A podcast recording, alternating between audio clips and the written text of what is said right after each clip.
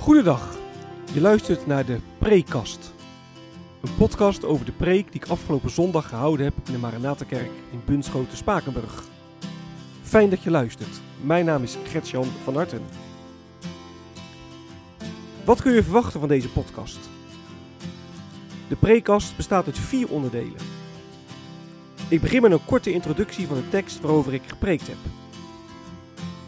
Vervolgens geef ik een korte samenvatting van de preek zelf. En met korte samenvatting bedoel ik ook echt kort.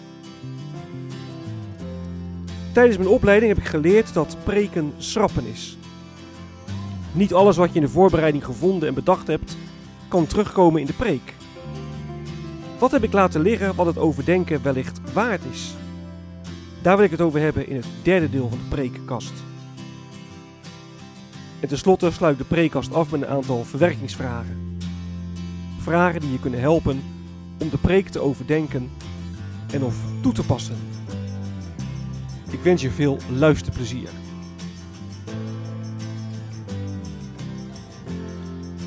De tekst.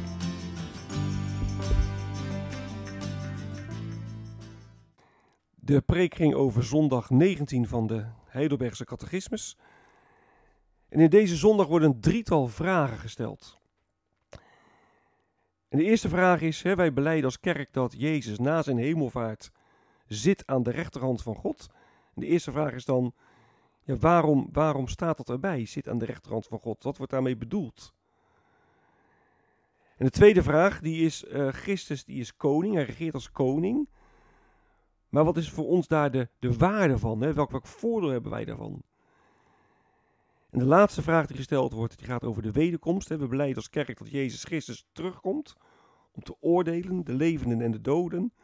En dan vraagt de catechismus, welke troost kun je daar uitputten? De preek.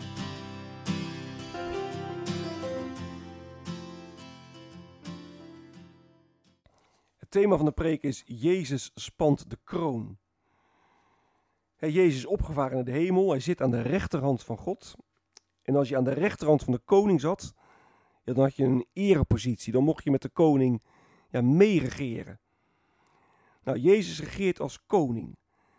En dat is echt een, een geloofsuitspraak. Want we zien het niet altijd terug. kijk wat er allemaal in de wereld gebeurt. Of kijk wat er in je, je eigen leven soms kan gebeuren. Dan kun je dat koningschap van Christus lang niet altijd aanwijzen. Er gebeuren soms dingen waarvan je denkt, ja, hoe, hoe is het toch mogelijk als Jezus nou echt koning is? Waarom kan dit dan? Waarom kan dit dan plaatsvinden?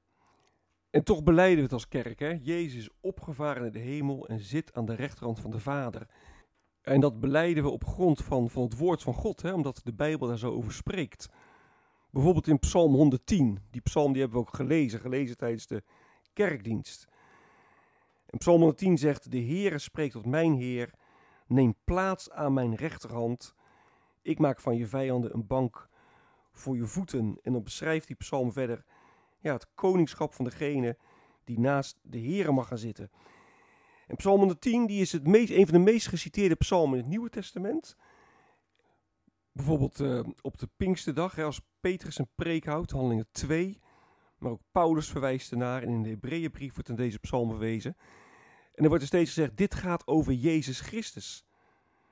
Dus als Psalm 110 zegt, de Heere spreekt tot mijn Heer, neem plaats aan mijn rechterhand, dan zegt, God dat, dan zegt God dat tegen Jezus. Jezus, hij regeert als koning. Dat zien we niet altijd, maar dat beleiden we, dat geloven we. Dat is een geloofsuitspraak.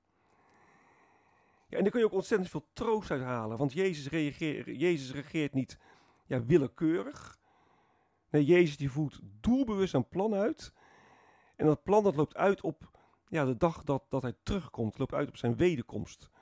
En daar kun je in alle moeite, met alle vragen die je hebt, echt troost uit putten. En dan bedoel ik niet uh, dat als goedkope troost, van heb je het moeilijk. Nou, uh, niet, uh, je hoeft niet bang te zijn, want Jezus regeert, het komt allemaal goed. En dan kun je ook je vragen en je moeite zomaar onder het ja, tapijt vegen. Maar je mag wel al je moeite en al je vragen en al je twijfels in het licht van Gods belofte zetten.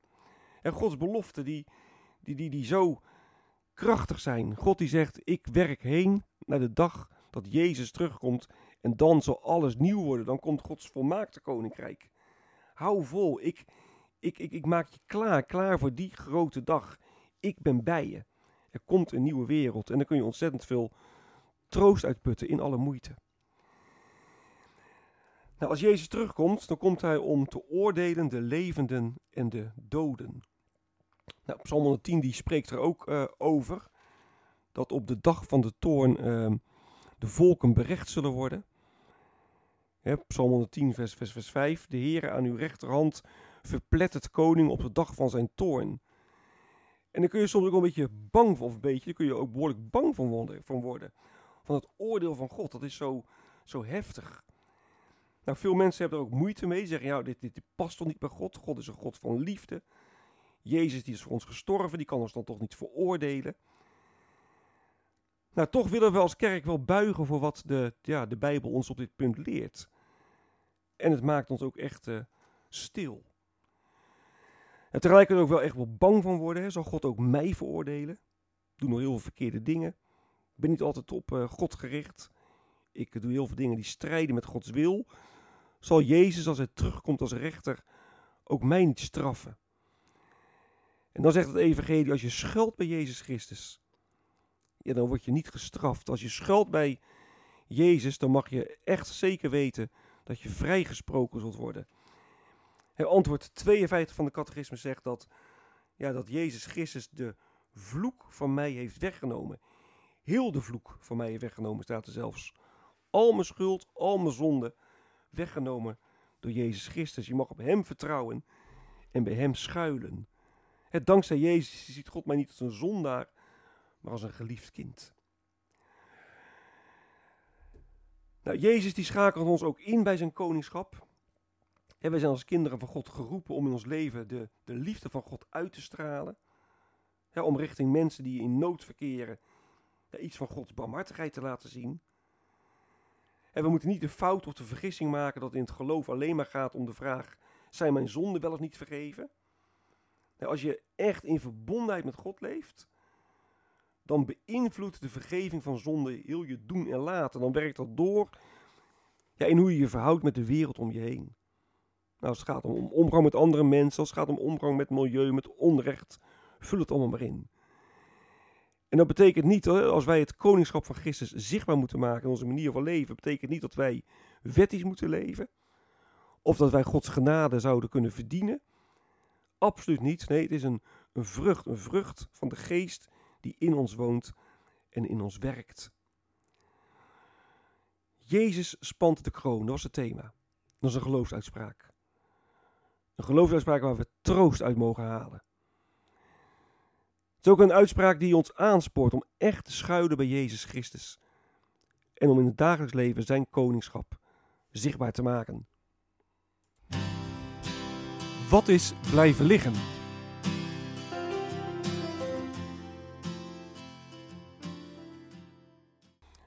Ook dit keer wil ik weer een eh, drietal punten noemen. Het eerste punt heeft betrekking op vraag en antwoord 51.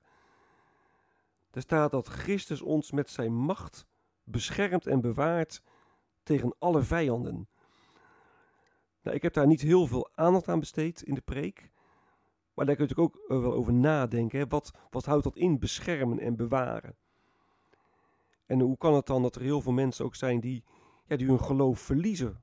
verliezen omdat ze dingen in hun leven meemaken ja, die ze gewoon niet kunnen rijmen met ja, het koningschap van Jezus Christus. Het tweede waar ik uh, nu aandacht voor vragen, dat is vraag antwoord 52. Er staat, welke troost schenkt de wederkomst van Christus om te oordelen de levenden en de doden? En er wordt mede als antwoord gegeven, nou Christus zal dan al mijn en zijn vijanden aan de eeuwige ondergang overgeven. En er is een eeuwig oordeel voor Gods vijanden. Maar in hoeverre ja, kunnen wij daar troost uit halen? Is het niet juist eerder beangstigend of, of verdrietig? Ja, ik voel me niet eh, echt getroost in het feit dat, dat God mensen gaat veroordelen. Ik vind dat juist ja, lastig en moeilijk. En dat zou natuurlijk ongetwijfeld ook uh, ermee te maken hebben dat ik in een vrij land leef. Ik zou me kunnen voorstellen dat vervolgde christenen daar weer heel anders tegenaan kijken, of in ieder geval anders beleven. En ook in de tijd dat de catechismus werd opgesteld, ja, het was natuurlijk ook geloofsvervolging, werden gereformeerden ook echt ja, vervolgd. Zijn natuurlijk heel wat mensen die ook hun geloof met de dood hebben moeten bekopen. Bijvoorbeeld uh, Guido de Bray, de opsteller van de Nederlandse geloofsbelijdenis. Dus ik kan me voorstellen dat het in die tijd inderdaad wel heel anders was. Maar ja, is dat vandaag voor ons ook echt een troost of, of, of, niet? En, nou ja, daar kun je ook een uh, aparte preek aan wijden. En het laatste wat ik wil noemen is, uh, ja, Jezus Christus komt terug. Wij leven in de verwachting van de komst van Gods Koninkrijk. En ook daar kun je natuurlijk apart op inzoomen in, uh, in de preek. Wat betekent het nou dat Jezus terugkomt? Verwachten wij hem echt met, met smart? En bepaalt dat ook echt heel ons doen en laten? Nou, daar heb ik in de preek niet heel veel aandacht aan besteed, maar ook daar kun je natuurlijk uh, op inzoomen. Verwerkingsvragen.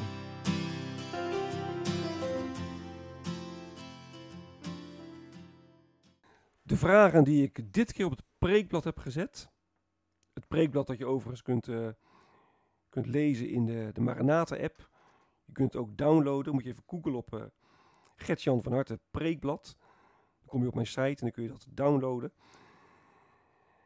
En daar heb ik als eerste vraag gesteld: ja, geloof je dat Jezus echt alle touwtjes in handen heeft? Het thema is Jezus spant de kroon. We beleiden dat Jezus koning is. Maar geloof je dat ook echt? De tweede vraag is: in hoeverre houd je nou echt rekening met het feit dat Jezus komt om te oordelen? En er komt een dag dan en dan komt Jezus terug en dan zal hij als rechter het eindoordeel vellen. Hou je daar echt rekening mee? Maak je dat bang of, of, of druk je dat weg? Of, nou, hoe ga je daarmee om? Die derde vraag die hangt ook daarmee samen. Welke rol speelt de verwachting van de wederkomst überhaupt in je geloofsleven? In hoeverre ben je bezig met, met de komst van Gods koninkrijk? En de laatste vraag is, ja, in hoeverre wordt het koningschap van Jezus zichtbaar in, in jouw leven. wij zijn geroepen om iets van, van, van, van Gods koningschap te laten zien, om Hem te vertegenwoordigen hier op aarde. We zijn geroepen om te leven uit het evangelie van Jezus Christus. En dat evangelie dat wil doorwerken in ons leven. Jezus schakelt ons in bij uh, zijn koningschap. Hij regeert via ons. Nou, in hoeverre wordt dat zichtbaar in je leven? Dit is het einde van de prekast. Mocht je vragen of opmerkingen hebben, dan kun je me mailen op mailadres van hartengretjan.gmail.com van Ik wens je nog een hele prettige dag. Hartelijk dank voor het luisteren. En wie weet tot een volgende keer.